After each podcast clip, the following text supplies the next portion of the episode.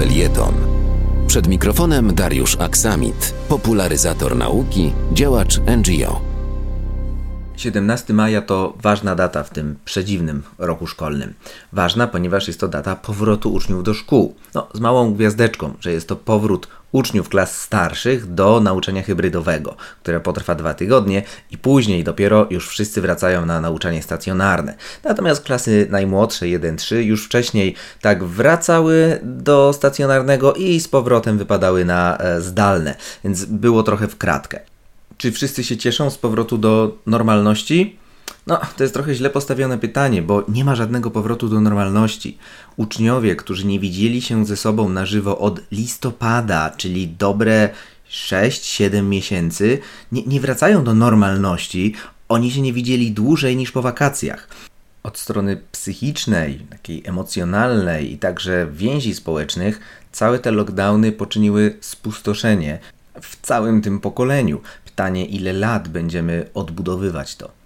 Przy tym wszystkim wraca też pytanie o to, po co właściwie w ogóle jest szkoła. Dla zwolenników absurdalnego twierdzenia, że szkoła jest po to, żeby przekazywać wiedzę, to pytanie to, co za różnica, czy jesteśmy stacjonarnie, czy nie. I dlaczego spór o ten powrót lub jego brak był taki gorący? Na arenie międzynarodowej spotkaliśmy się z wieloma różnymi podejściami, we, szczególnie w krajach skandynawskich. Szkoły zamykano jako ostatnie i otwierano jako pierwsze bo rozumiano społeczną rolę, jaką one pełnią. Oczywiście również ważną gospodarczo, bo rodzice, którzy są przykuci do dzieci w, do, w domu, e, no, nie mogą iść do pracy. Ale no właśnie, czy, czy szkoła jest tylko po to, żeby pozbyć się dzieci z domu? No, gdyby tak było, to po co cała ta zabawa w jakieś tam podręczniki, egzaminy, programy nauczania, podstawy programowe i tak dalej? To po prostu e, powiedzmy jasno, że nauczyciel to jest taka opiekunka a jeśli nadrzędnym celem ma być zdobywanie wiedzy, no to też po co mają chodzić do szkoły? Niech siedzą przed komputerem 5 e, godzin dziennie na Wikipedii i zdobędą wiedzę. Szkoła ma dużo ważniejszą rolę. Szkoła jest miejscem budowania relacji pomiędzy nauczycielem i uczniami, ale przede wszystkim też pomiędzy grupą rówieśniczą uczniów, którzy przede wszystkim w ten sposób nabywają no, tego, co ładnie byśmy nazwali kompetencjami społecznymi. I tego nie da się zrobić w żaden sposób w nauczaniu zdalnym.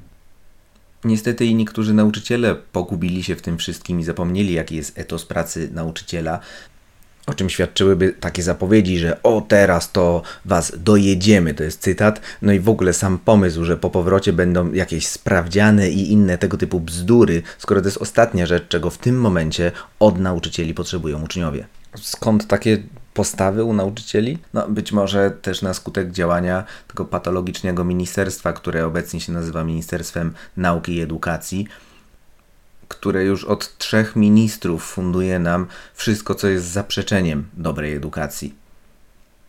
Przy okazji pandemia jeszcze raz odsłoniła stosunek władzy do tak ważnego zawodu jak nauczyciel szkolny. Jeszcze od minister Zalewskiej i słynnej deformy edukacji, która zlikwidowała z roku na rok gimnazja, co wydawało się absolutnie nieprawdopodobne i nie miało żadnego poparcia wśród e, nauczycieli i rodziców przez strajk nauczycieli, który skończył się szczujnią w telewizji mm, na publicznej. E, po, potem ministra Piądowskiego, któremu nie przeszkadzało, że dzieci się w szkołach wieszają, ale przeszkadzało mu, że imiona tych dzieci pojawiły się na zabytkowym gmachu ministerstwa w Alei Szucha. No, po ministra Czarnka, co już żal komentować. Nauczyciele przez tę władzę są po prostu pogardzani, tak jakby im przeszkadzali.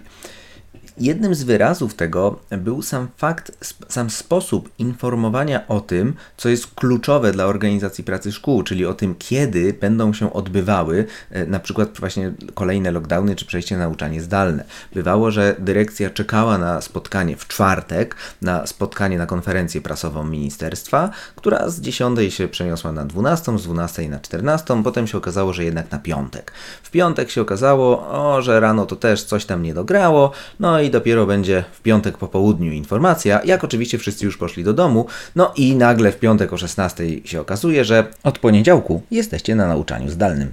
I teraz trzeba poinformować wszystkich nauczycieli, wszystkich uczniów, wszystkich rodziców, przewrócić wszystko do góry nogami, no i dyrekcja ma na to weekend. Obyśmy wszyscy wyciągnęli z tego jakąś lekcję na przyszłość. Wspieraj niezależne Halo Radio, które mówi wszystko. www.halo.radio ukośnik SOS. Dziękujemy.